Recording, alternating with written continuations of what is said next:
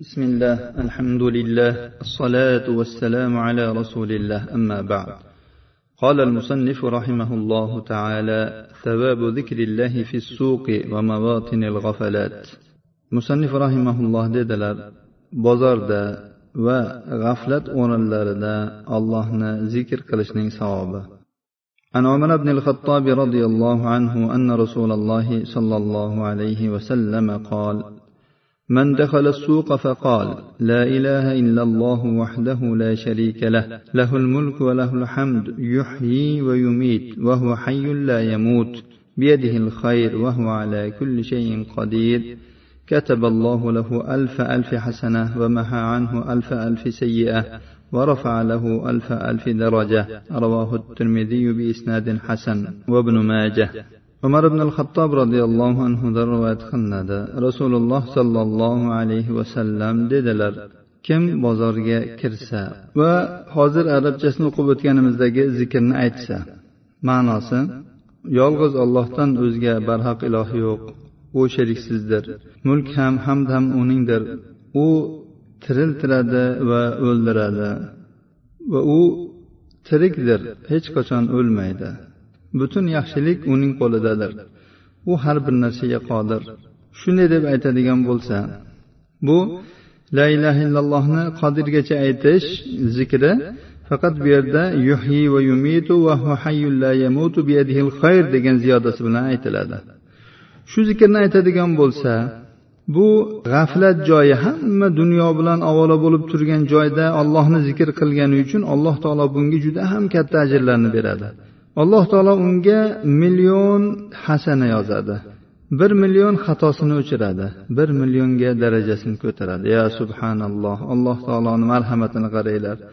Shunga o'xshagan boshqa bir to'y to'lqinlarda o'ta xursandchilik joylarida masalan bog'larga kirilganda o'yinxonaga borilganda umuman odamlar g'aflatda bo'ladigan joylarda shu zikrni aytiladigan bo'lsa mana shuncha ajrga ega bo'linadi bu hadisni imom termiziy bilan ibn moja rivoyat qilganlar sahih targ'ib va tarhibda bu hadisga bir ming olti yuz to'qson to'rtinchi raqam ostida hasanun lig'oyrihi deyilgan سبب من قال هذه الكلمات قبل أن يقوم من مجلسه o'tirgan joyidan ya'ni suhbat majlisidan turishidan oldin ushbu so'zlarni aytgan odamning savobi haqida عن أبي هريرة رضي الله عنه أن رسول الله صلى الله عليه وسلم قال من جلس مجلسا كثر فيه لغطه فقال قبل أن يقوم من مجلسه ذلك. سبحانك اللهم وبحمدك أشهد أن لا إله إلا أنت أستغفرك وأتوب إليك. إلا غفر له ما كان في مجلسه ذلك. رواه أبو داود والترمذي وصححه والنسائي وابن ماجه. Abu hurayra roziyallohu anhudan rivoyat qilinadi. Rasululloh sollallohu alayhi vasallam dedilar kim bir majlisda o'tirsa va u majlisda uning behuda gaplari ko'payib ketsa majlisidan turishidan oldin aytsaki subhanakallohumma bihamdik ashhadu an la ilaha illa anta astag'firuka va atubu ilayk. Uni mana shu majlisdagi behuda gaplari kechiriladi. Ma'nosi ey allohim seni barcha aybu nuqsonlardan poklayman. Senga hamd aytaman. Sendan o'zga biron barhaq ma'bud yo'q ekanligiga guvohlik beraman. Istig'for aytaman va o'zingga tavba qilaman. Buni kafforatil majlis deyiladi. Majlisning kafforati. Bu hadisni abu dovud termiziy nasoiylar rivoyat qilgan ibn hibbon ham sahih targ'ib va tarhibda va sunani termiziyda ushbu hadisga sahiy deb hukm qilingan sahiy targ'ib va tarhibdagi raqami bir ming besh yuz o'n olti وعن جبير بن مطعم رضي الله عنه قال قال رسول الله صلى الله عليه وسلم من قال سبحان الله وبحمده سبحانك اللهم وبحمدك أشهد أن لا إله إلا أنت أستغفرك وأتوب إليك فقالها في مجلس ذكر كان كالطابع يطبع عليه فمن قالها في مجلس لغو كان كفارة له. رواه التبراني والنسائي والحاكم وقال صحيح على شرط مسلم. جبير بن مطعم رضي الله عنه دروات قنادة ديدا رسول الله صلى الله عليه وسلم الدلال. كم سبحان الله وبحمده. سبحانك اللهم وبحمدك. أشهد أن لا إله إلا أنت. أستغفرك وأتوب إليك. deb zikr majlisda ya'ni ilm zikr majlisda aytadigan bo'lsa bu aytgan so'zlari go'yoki ana shu majlisga xatm ya'ni muhrdek bo'lib qoladi. Go'yoki u muhrlandi shu bilan. Kimki bu so'zlarni behuda gaplar gapirib dunyoviy gaplar gapirib o'tirgan majlisda aytadigan bo'lsa u ana shu majlisiga kafforat bo'ladi. Tabaroniy nasoiy hokim rivoyatlari ushbu hadisga sahih targ'ib va tarhibda bir ming besh yuz o'n to'qqizinchi raqam ostida sahih deb hukm qilingan. Yuqoridagi o'tgan zikr bilan buning o'rtasidagi farq avvalida subhanallohi va bihamdihini qo'shib qo'yiladi ثواب كلمات يقولهن من لبس ثوبا جديدا yangi kiyim kiyganda aytadigan so'zlarning savobi haqida وعن معاذ بن انس رضي الله عنه قال قال رسول الله صلى الله عليه وسلم من أكل طعاما فقال الحمد لله الذي أطعمني هذا الطعام ورزقنيه من غير حول مني ولا قوة غفر له ما تقدم من ذنبه. ومن لبس ثوبا جديدا فقال الحمد لله الذي كساني هذا ورزقنيه من غير حول مني ولا قوة غفر له ما تقدم من ذنبه. رواه أبو داود والحاكم وقال صحيح الإسناد. وصدره عند ابن ماجه والترمذي وقال حديث حسن. moaz ibn anas roziyallohu anhudan rivoyat qilinadi. Rasululloh sollallohu alayhi vasallam dedilar kim bir taomni yesa va aytsaki menga mana shu taomni yedirgan va uni menga hech bir men tomondan bir kuch quvvat bir harakatsiz rizq qilib bergan allohga hamdlar bo'lsin. Uni butun o'tgan qilgan gunohlari kechiriladi. Kim bir yangi kiyimni kiysa va aytsaki menga mana shu kiyimni men tomondan biror bir kuch quvvatsiz rizq qilib bergan va uni menga kiydirgan allohga hamd bo'lsin deb aytsa uni avvalda qilgan gunohlari kechiriladi. Subhanalloh. Alloh taolo bizga taom bersa alloh taolo bizga yangi kiyimni rizq qilib bersa biz buni yeb ichib kiyganimizdan keyin allohga hamd aytib qo'yadigan bo'lsak alloh taolo bizni qilgan gunohlarimizga buni kafforat qiladi. Alloh taoloni mag'firatini kengligiga qarang ya subhanalloh. Ushbu hadisni abu dovud hokim rivoyat qilganlar mana shu ko'rinishda uni birinchi qismini ya'ni taom yeganda aytiladigan qismini ibn moja va termiziylar ham rivoyat qilishgan. Termiziy bu hadisga hasan deb hukm qilganlar sahih targ'ibot tarhibda ham ikki ming qirq ikkinchi raqam ostida bu hadisga hasan deb hukm qilingan. ثواب من عثرت دابته فقال بسم الله markabi ya'ni minib ketayotgan hayvoni toyilib ketgan paytda bismillah degan odamning savobi haqida عن أبي تميمة الهجيمي عمن كان ردف النبي صلى الله عليه وسلم قال كنت ردفه على همار فعثر الحمار فقلت تعس الشيطان فقال لي النبي صلى الله عليه وسلم لا تقل تعس الشيطان فإنك إذا قلت تعس الشيطان تعاظم في نفسه وقال صرعته بقوتي. وإذا قلت بسم الله تصاغرت إليه نفسه حتى يكون أصغر من ذباب. رواه أحمد بإسناد صحيح. abu tamima al hujaymiydan u esa nabiy sollallohu alayhi vasallam bilan birga mingashib ketayotgan bir kishidan rivoyat qiladi. U dedi men rasululloh sollallohu alayhi vasallam bilan birga eshakda birga minib ketayotgandim. Eshak toyilib ketdi. Aytdimki e shayton qurib ketsin halok bo'lsin. Shunda nabiy sollallohu alayhi vasallam menga dedilarki shayton qurib ketsin demagin. Agar sen shunday deydigan bo'lsang shayton juda ham ich ichidan xursand bo'lib o'ziga sig'may ketadi. Aytadiki men uni kuch quvvatim bilan yiqitdim deb. Agar sen bismillah deydigan bo'lsang shayton shu darajada kichrayadiki hattoki pashadan ham kichkina bo'lib ketadi. Imom ahmad va hokim rivoyatlari ushbu hadisga sahih targ'ib va tarhibda uch ming bir yuz yigirma to'qqizinchi raqam ostida sahih deb hukm qilingan.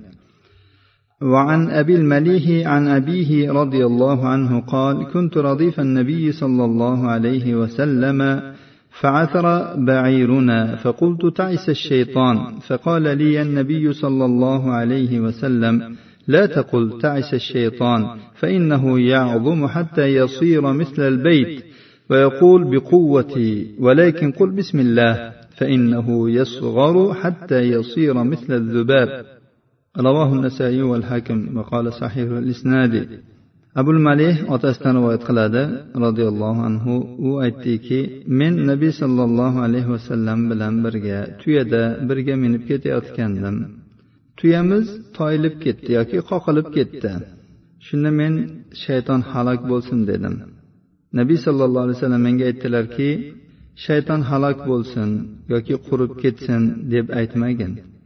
Agar sen shunday deydigan bo'lsang u juda ham kerilib kattalashib ketadiki xuddi uyga o'xshab qoladi. Ya'ni shunaqa katta bo'lib ketadi. Bu meni quvvatim bilan bo'ldi mana. Ya'ni men buni toyitdim deydi. Lekin sen buning o'rniga bismillah degin. Shunday deydigan bo'lsang u kichrayib kichrayib kichrayib xuddi pashadek bo'lib qoladi. Imom nasoiy va hokim rivoyatlari sahiyul isnod deganlar hokim sahiy targ'ib va tarhibda ham uch ming bir yuz yigirma sakkizinchi raqam ostida ushbu hadisga sahih deb hukm qilingan.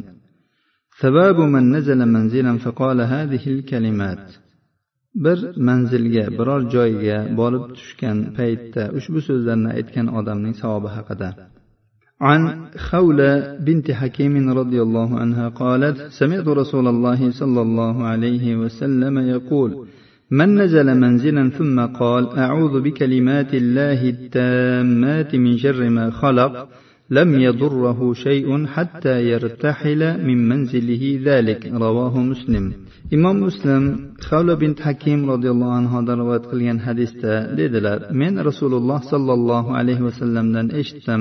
Kim bir manzilga tushsa bir joyga tushsa so'ngra aytsaki allohning yetuk mukammal so'zlari bilan butun yaratgan maxluqotlarning yomonligidan panoh so'rayman. Bu odamga to mana shu joydan ketgunigacha biror narsa zarar bermaydi.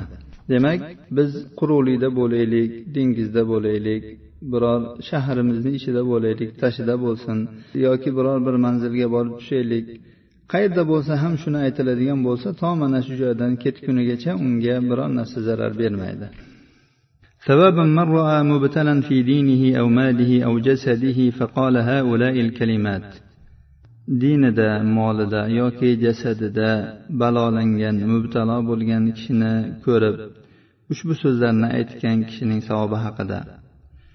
عن عمر وابي هريره رضي الله عنهما ان رسول الله صلى الله عليه وسلم قال من راى صاحب بلاء فقال الحمد لله الذي عافاني مما ابتلاك فيه وفضلني على كثير ممن خلق تفضيلا لم يصبه ذلك البلاء رواه الترمذي وقال حديث حسن دقت بلن اعتبار بريلك جدهم ألوغ حديث umar va abu hurayra roziyallohu anhudan rivoyat qilingan rasululloh sollallohu alayhi vasallam dedilar kim biron balo sohibi ya'ni biror ishga mubtalo bo'lgan odamni ko'rsa va aytsaki seni u bilan balolagan narsadan meni ofiyatda qilgan ya'ni salomat qilgan va meni yaratgan bandalarining ko'pchiligidan fazilatlik yuqori qilgan alloh taologa hamdu sanolar bo'lsin.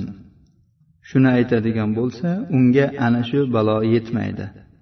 Imom termiziy rivoyatlari hadisun hasan deb hukm qilganlar sahih targ'ib va tarhibda ham ushbu hadisga uch ming uch yuz to'qson ikkinchi raqam ostida sahih deb hukm qilingan.